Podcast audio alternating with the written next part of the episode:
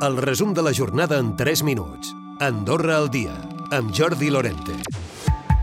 És difícil, és difícil. És, és evident que hi ha una tensió en aquest, en aquest moment, amb aquesta qüestió.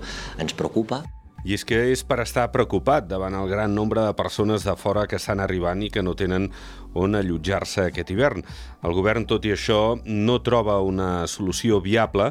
Segons el ministre d'Habitatge i Ordenament del Territori, Víctor Filloy, és una situació complexa però és veritat que no deixen de ser doncs, anuncis, com entendrà, doncs, a xarxes socials a les quals el govern, i en un país doncs, eh, eh, lliure com el que estem, doncs, difícilment pot fer alguna actuació amb un post eh, al Facebook, si em permet. No? D'altra banda, els propietaris que vulguin cedir els seus pisos a l'administració perquè aquesta es posi al parc de lloguer tenen fins al 15 de desembre per fer la seva proposta.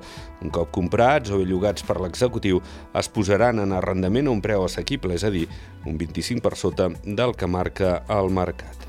I pel que fa a l'IPC definitiu del mes d'octubre, hi ha un canvi de tendència, ja que torna a pujar. Després d'uns mesos en què s'estava estabilitzant, ara l'encariment de l'alimentació i l'oci fa que l'índex definitiu d'octubre se situï en el 7%. És una dècima per sobre de la dada avançada.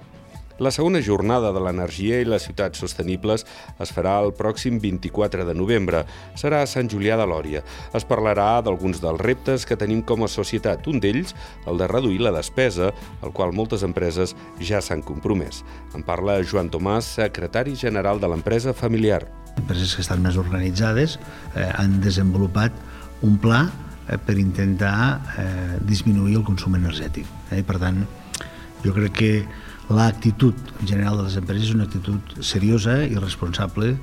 La primera edició de la concentració mototurística Marmotes ja té dates. Es farà els dies 14, 15 i 16 de setembre de l'any vinent amb una previsió de 2.500 participants amb un important retorn econòmic en camp i al pas de la casa i el poblet de Nadal d'Andorra la Vella torna, amb un 80% menys d'elements de llum. S'inaugurarà el divendres dia 25 amb l'encesa i s'allargarà fins al 8 de gener.